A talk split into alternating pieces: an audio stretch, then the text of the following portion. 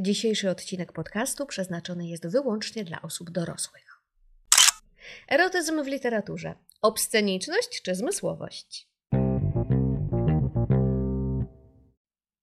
Erotyzm w literaturze można zaprezentować jak dzieło sztuki, gdzie akty miłosne pobudzają wyobraźnię. Niestety, w dzisiejszych czasach erotyzm bywa mylony z pornografią. Jest mało finezyjny, a mówiąc wprost, dosadny i wulgarny. Oddziałuje na pierwotne instynkty.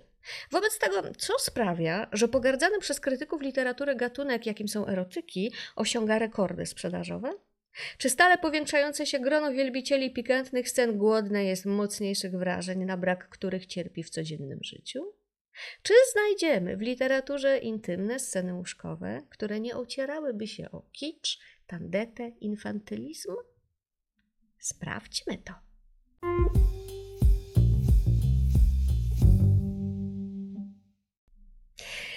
Jaka jest słownikowa definicja erotyzmu? Wielki słownik wyrazów obcych i trudnych pod redakcją Andrzeja Markowskiego donosi. Cytuję. Erotyzm to zmysłowość i pobudzenie seksualne poprzez tematykę miłosną, lecz w sposób pobudzający wyobraźnię do myślenia i, nie, i do zwrócenia uwagi na piękno ludzkiego ciała. Koniec cytatu. Teraz ja. Poszukuję w głowie synonimów i pojawiają mi się takie określenia. Zmysłowość, subtelność, powab, wrażliwość, sensualność, namiętność, pożądanie, żądza, Kolejność przypadkowa. Nie układałam tej listy, kierując się ciężarem gatunkowym. Przysięgam. Już samo to wskazuje, że miłość można opisać poetycko i wyzywająco, a jedno drugiego nie wyklucza. Przytoczę teraz dwa fragmenty z dwóch różnych książek traktujących o miłości. I ciekawa jestem, która, które z tych dwóch fragmentów przemówi do ciebie bardziej wyraziście. A więc usiądź spokojnie, wygodnie, przymknij oczy i posłuchaj. Duszno było od malin, któreś szepcząc rwała, a szept nasz tylko wówczas nacichał w ich woni, gdym wargami wygarniał z podanej mi dłoni owoce przepojone wonią Twego ciała. I stały się maliny narzędziem pieszczoty, tej pierwszej, tej zdziwionej, która w całym niebie nie zna innych upojeń oprócz samej siebie i chce się wciąż powtarzać dla własnej dziwoty. I drugi fragment. Pocałował mój pępek i zaczął sunąć niżej, łaskocząc mnie włosami po brzuchu, aż zatrzymał się między udami. Rozchylił mnie drżącymi rękoma, muskając językiem łechtaczkę delikatnie drażniące liźnięcia wzdłuż mojej szparki oraz trzepoczące ruchy języka zanurzającego się głębiej we mnie doprowadziły mnie na krawędź szaleństwa. Podrygiwałam niespokojnie, a z gardła wyrywały mi się zachrypnięte błagania. Zapewne rozpoznałeś w tym pierwszym fragmencie wiersz Bolesława Leśmiana w malinowym chruśniaku. Ale większym wyzwaniem mógł być prawdopodobnie ten drugi fragment, szczególnie jeśli nie czytujesz erotyków. Więc wyjaśniam. Cykl Rozpalona, autor pani Sylwia Day. No, słuchajcie, co by nie mówić, e, w polskim języku brakuje nam e, określeń opisujących e, narządy płciowe. Jest pod tym względem ubogi. No jest. Ja kojarzę takie mm, biologiczno-anatomiczne, infantylno-prześmiewcze, no i wulgarne. Ale z tą wulgarnością to trzeba ostrożnie, bo według mnie, nie musisz się ze mną zgadzać, ale według mnie nawet najbardziej kontrowersyjne pojęcie może się obronić. Wiele zależy od kontekstu. Czy rozpalona pani Sylwidej broni się? Wolałabym porozmawiać o kimś innym, na przykład o Charlesie Bukowskim. E, Charles Bukowski to taki facet, który nie udawał, że seks nie jest codziennością. Nie gryzł się w język, bulwersował. Właściwie to nawet nie wiem, czy użycie czasu przeszłego w odniesieniu do Bukowskiego jest na miejscu. No, nadal bulwersuje, a ile to już lat minęło.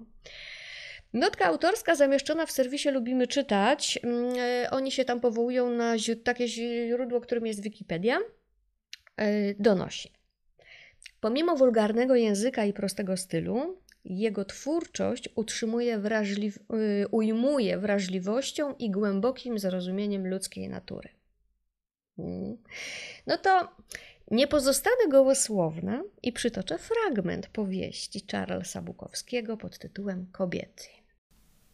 Przycisnąłem ją do krawędzi z lewu i zacząłem ocierać się o nią.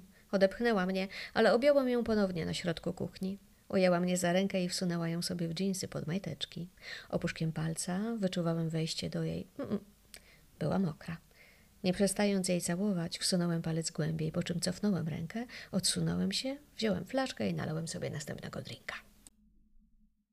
Bukowski nie pisał erotyków. No po prostu był bardzo bezpośredni.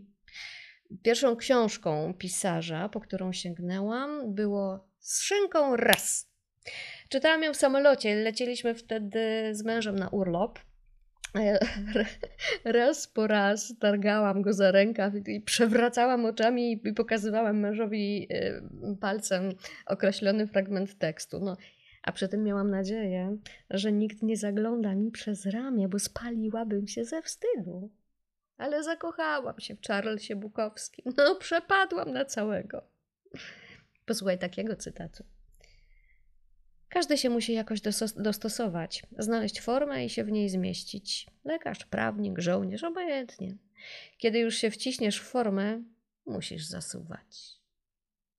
No to ja się cieszę, że Bukowski się nie wpasował, bo byłby nudny jak książkowa okładka z gołym torsem mięśniaka.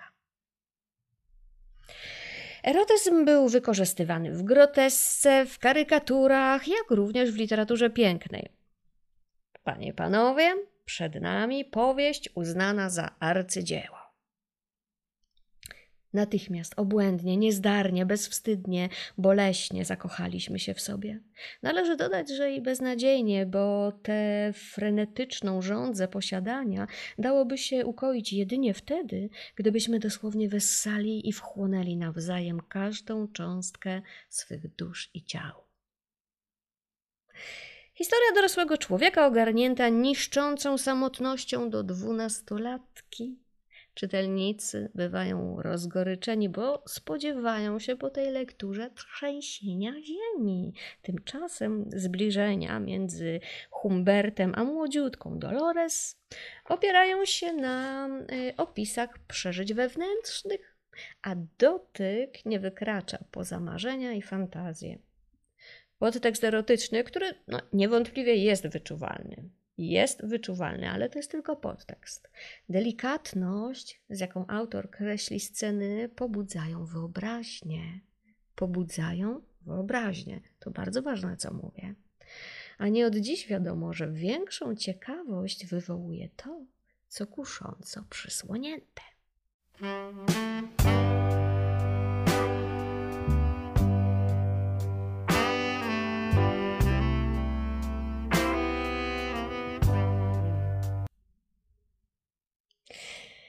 Okej, okay, oczywiście wiemy, o czym był ten fragment. No, nie tyle o czym, ale czyj to był fragment, z jakiej książki.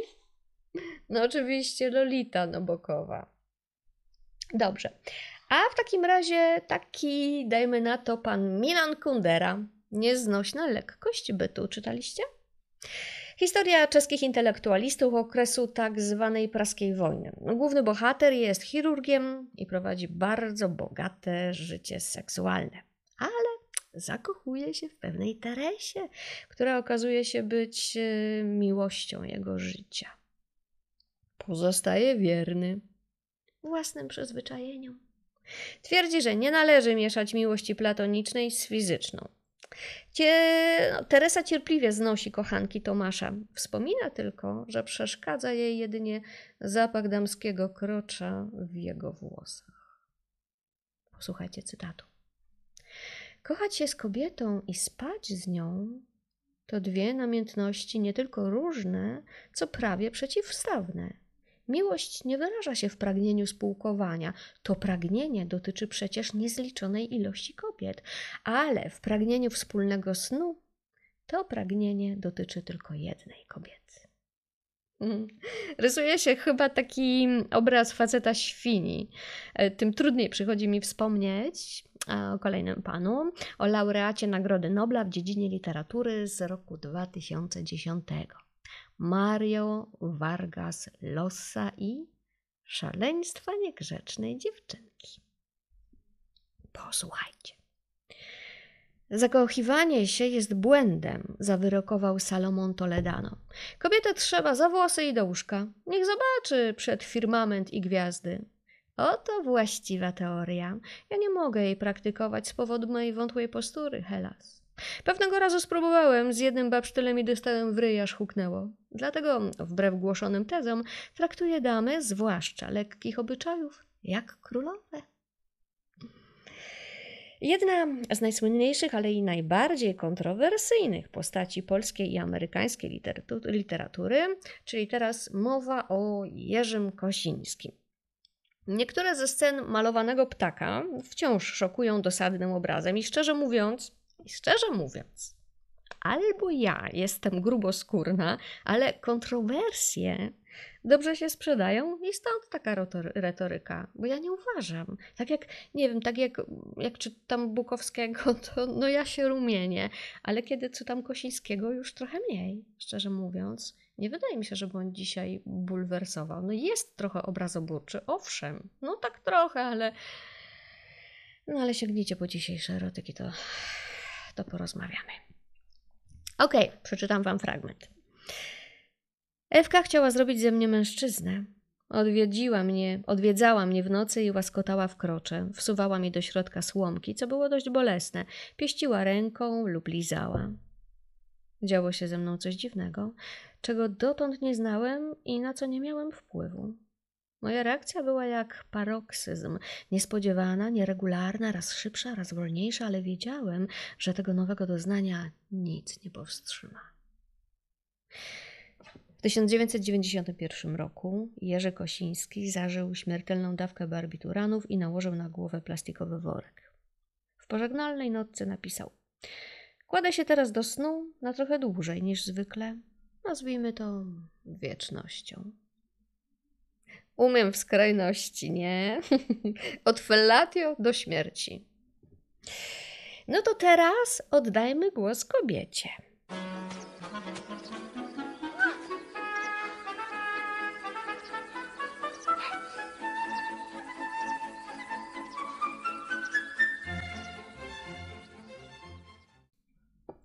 Oczyszczając sukienkę, aż do nóg się zniżył, usta trafem ku skroniom telimeny zbliżył. Co pan robi? Nie można, niech pan mrówki łowi. Panowie tylko prosić są zawsze gotowi, a mnie tu mrówki gryzą. Piękne, nie? W piątej księdze pana Tadeusza Tadeusz i Telimena znaleźli się sam na sam na polanie zwanej świątynią Dumania. Terimina została zaatakowana przez mrówki. To wiecie, bo czytaliście albo oglądaliście przynajmniej film. Więc Tadeusz schylił się i tutaj autor nie opisuje dokładnie, co się wydarzyło. Pozwala czytelnikowi snuć domysły. Subtelne wprowadzenie, odpowiedni nastrój, osamotniona polana, Telimena w bieliźnie oraz podglądający ją Tadeusz. Czujesz dreszcz? No cóż, Mickiewicz darował sobie muskanie językiem szparki. No, przepraszam, przepraszam za wulgarność, ale musiała. Sprośnie nie znaczy prostacko, o czym najlepiej wiedział Jan Staudinger. Naga to ona nie była wcale, miała pończochy i korale. Ja byłem zwierzę, ona święta, ale szeptała, Lubię zwierzęta. Mam nadzieję, że od teraz erotyka nie będzie ci się kojarzyła wyłącznie z tandetną literaturą. A mm, w takim razie może jeszcze jeden rozkoszny fragment. Jest to noblista z 1929, najwybitniejszy pisarz niemiecki pierwszej połowy XX wieku. Tomasz Mann i jego czarodziejska góra. Patrz na cudowną symetrię w konstrukcji ciała ludzkiego. na barki i biodra, na pierś zakwitającą z obu stron sutkami, na żebra palami, parami ułożone i na pępek pośrodku w miękkości brzucha na płeć ukrytą w cieniu ud. Ach, urocza okolica wewnętrznego zgięcia łokcia i kolana, pełna subtelności organicznych, okrytych miękkością ciała. Co za rozkosz, niewymowna pieścić te czarowne miejsca ciała ludzkiego. Rozkosz, której raz doznać i umrzeć bez skargi. Tak, na Boga, pozwól mi wchłaniać woń skóry pod Twoimi kolanami. Pozwól mi upalać się, upajać się wyziewami Twoich porów i dotykać Twego meszku, o istoto ludzka z wody i białka, której przeznaczeniem jest anatomia grobu i pozwól mi zginąć z ustami na Twoich ustach. Ale żeby nie było, że ja albo o noblistach i wysokiej literaturze, albo o erotykach, czyli no, literaturze niższych lotów, to może teraz spróbujmy to wypośrodkować. I chcę Ci opowiedzieć o książce określonej mianem kontrowersyjnej. E, taka opinia o niej krąży wśród czytelników. No i tak jak wcześniej wspominałam, no trzeba by się było zastanowić, czym jest ta kontrowersja, a też używanie dosadności w przekazie literackim, używanie dosadnego języka, jeśli jest uzasadnione, mm, to ono nie jest wulgarne. Nawet jeśli gdzieś tam trochę trąca nasze ucho i czasem boli wysłuchiwanie pewnych określeń. No więc kontrowersyjne rodzeństwo Moniki Wojciechowskiej, bo o nim będzie mowa, jednych szokuje, innych wzrusza. Jak było ze mną? No ja jestem gdzieś po środku. Ono mnie szokowało, owszem, ale nie... No ja nie wiem, czy można powiedzieć, że, że da się. To znaczy tak, dobra, szokowało mnie, ale ja się zastanowiłam, dlaczego. Dlaczego moja reakcja była taka, a nie inna? I mimo wszystko to jest bardzo istotne. Monika Wojciechowska w rodzeństwie, w swojej mm, debiutanckiej powieści Rodzeństwo, ona miała nam coś do powiedzenia, a teraz to wszystko, co się dzieje i te historie, które, on, które ona opisuje, e, ta cała fabuła, on to jest jedynie tło do czegoś głębszego. Ech. Jedni mówią o rodzeństwie Moniki Wojciechowskiej, że jest kontrowersyjne, mm, a w jednej recenzji nawet przeczytałam, że zamysłem autorki było szokować. Osobiście mam wątpliwości, bo sama Monika Wojciechowska przyznaje, że kontrowersyjny wątek, który na pewno je, nie jednego skłoni do spalenia rodzeństwa na stosie, nie był planowany. Yy, nie wiem, czy powinnam jej wierzyć, ale, ale może tak, bo skoro sama piszę książki, to wiem, że w trakcie pisania nasi bohaterowie, oni żyją własnym życiem i potrafią nas zaskakiwać. No więc przyjmijmy założenie, że Monika Wojciechowska, yy, no tak się właśnie stało z książką Moniki Wojciechowskiej. Yy, a więc jeśli, jeśli nie zamierzała wywierać wpływu na czytelnika przez serwowanie mu z premedytacją specyficznej relacji brata i msi i siostry, tym większy szacunek dla autorki. Ja nie mam złudzeń. Autorka musiała uświadomić sobie jeszcze w trakcie pracy nad książką, po jakim grząskim gruncie stąpa, a mimo wszystko nie złożyła broni.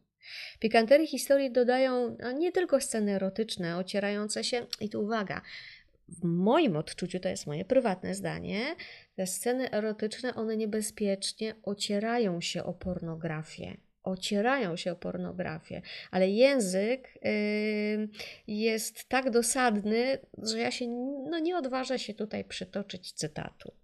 To już zostawiam Wam, jeśli będziecie zainteresowani tą książką, a polecam. Yy, no ja się po prostu boję, że mogłabym ściągnąć na siebie karcące uwagi. Ale tych, o tych kilka słów, y, jednak nie o tych kilka słów recenzji tutaj idzie, ale o szerszy kontekst, który można próbować objąć jako, jako całość, gdy sięgnie się po rodzeństwo Moniki Wojciechowskiej, no to to jest tak, że gdybym ja teraz y, wybrała jakiś fragment i wam go przeczytała, no wybaczcie, wiem, ja tak robiłam z noblistami przed chwilką, ale słuchajcie, to są nobliści, to jest y, ktoś, za kim, to są ludzie, którzy już mają mm, bardzo bogaty dorobek artystyczny.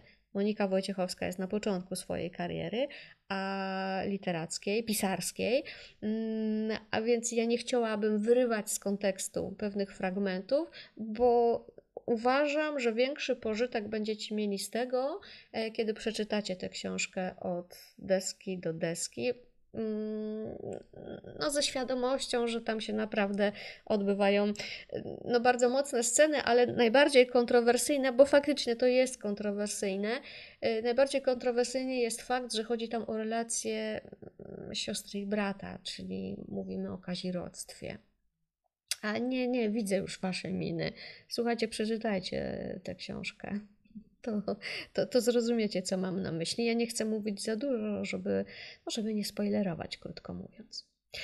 Nie bez kozery w, wspominam w pierwszej kolejności o seksie, bo oto w książce aż od niego kipi. Trudno jest przejść tam obojętnie nad tymi scenami, ale pod nagością, perwersją, wyuzdaniem, co niektórzy mogą zarzucić tej historii i zarzucają notabene, kryje się coś jeszcze, by nie rzec, no, by nie rzec przede wszystkim. Portret dwojga ludzi naznaczony krzywdą, niedopasowaniem, walką z własnymi demonami i poszukiwaniem miłości. Klęska człowieka jako istoty głęboko zranionej, usiłującej uleczyć duszę toczoną chorobą. I to jaką chorobą? Oj God. Ludzie, których skrzywdzono w dzieciństwie, odebrano im poczucie bezpieczeństwa, stają się dorosłymi z deficytami i mają się różnych metod, by zasklepić niedostatki z lepszym lub gorszym skutkiem. Tutaj mamy w książce mamy do czynienia z Sandrą i Albertem. E, oni zaliczają swoje wzloty i upadki, wchodzą w rozmaite relacje, które również mają swoje konsekwencje. Czasami wydaje mi się, że są jedynymi i jedynymi osobami, które potrafią się porozumieć. To jest chyba największe przekleństwo, szczerze mówiąc, tej dwójki. Wspierają się, są szczerzy względem siebie i tylko względem siebie samych. Przelotne związki, romanse budują zaledwie fasadę człowieczeństwa. Bliskie relacje intymne działają destrukcyjnie, dlatego Sandra zaprzyjaźnia się zaledwie z jednym mężczyzną, to w dodatku z takim, z którym fizyczny związek okazuje się poza jej zasięgiem. Co mam na myśli? No nie doprecyzuję, wybaczcie. Czytając rodzeństwo, widziałam wewnętrzne rozdarcie, samotność, yy, świadomość popełnianych błędów, działania destrukcyjne, próbę wyzwolenia się od niszczyciel, niszczycielskich podszeptów i niemoc, bo nie można im zarzucić, że nie próbowali próbowali, kochani. E, no przede wszystkim niemoc. Dwoje zagubionych ludzi, których bardzo łatwo można osądzić i napiętnować jako dewiantów, ale można też próbować zrozumieć. Jeśli okaże się to niemożliwe, no to przynajmniej wspiąć się na wyrzuty empatii, no i, i tak zwyczajnie po ludzku im współczuć. Monika Wojciechowska napisała wstrząsającą historię. Zdarła zasłonę pruderii nie po to, by szokować, ale zmusić nas do przyjrzenia się samym sobie. Wszystko zaczyna się w domu rodzinnym. To tam powinniśmy zacząć poszukiwanie odpowiedzi na pytanie, kim tak naprawdę jesteśmy. Nie po to, żeby szukać usprawiedliwienia, ale podjąć pracę nad sobą no i stworzyć naszym dzieciom lepszy start. Słuchajcie, ja naprawdę z całego serca polecam rodzeństwo każdemu, kto ma odwagę zmierzyć się z trudną, ale ogromnie wzruszającą i przepiękną historią Sandry i Alberta. I nie skupiajcie się, proszę, nie skupiajcie się na obrazoburczych scenach erotycznych, a przynajmniej nie tylko na nich. Monika Wojciechowska w powieści Rodzeństwo pokazuje znacznie więcej i ja mam nadzieję, że wy to więcej będziecie w stanie dostrzec. Na koniec mam dla ciebie małą radę. Porzuć skrępowanie. Odważnie sięgaj po rozkosz, nie tylko tę literacką. Ja już się z Tobą żegnam dzisiaj, ale Ty zostań jeszcze przez chwilkę. E, usiądź sobie wygodnie, przymknij oczy i posłuchaj.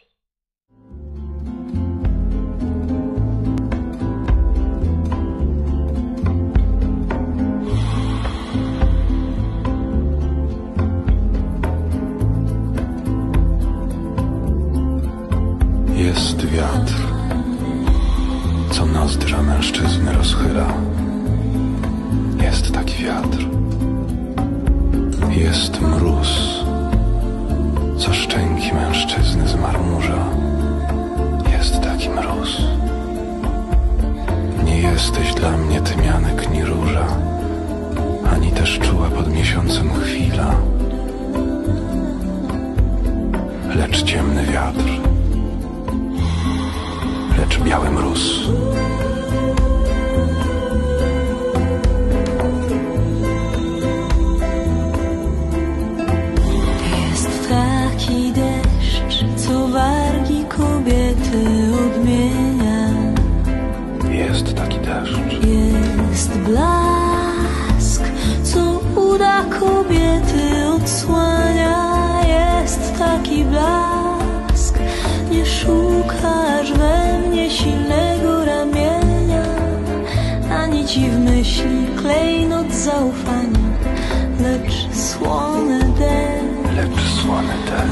Lecz słone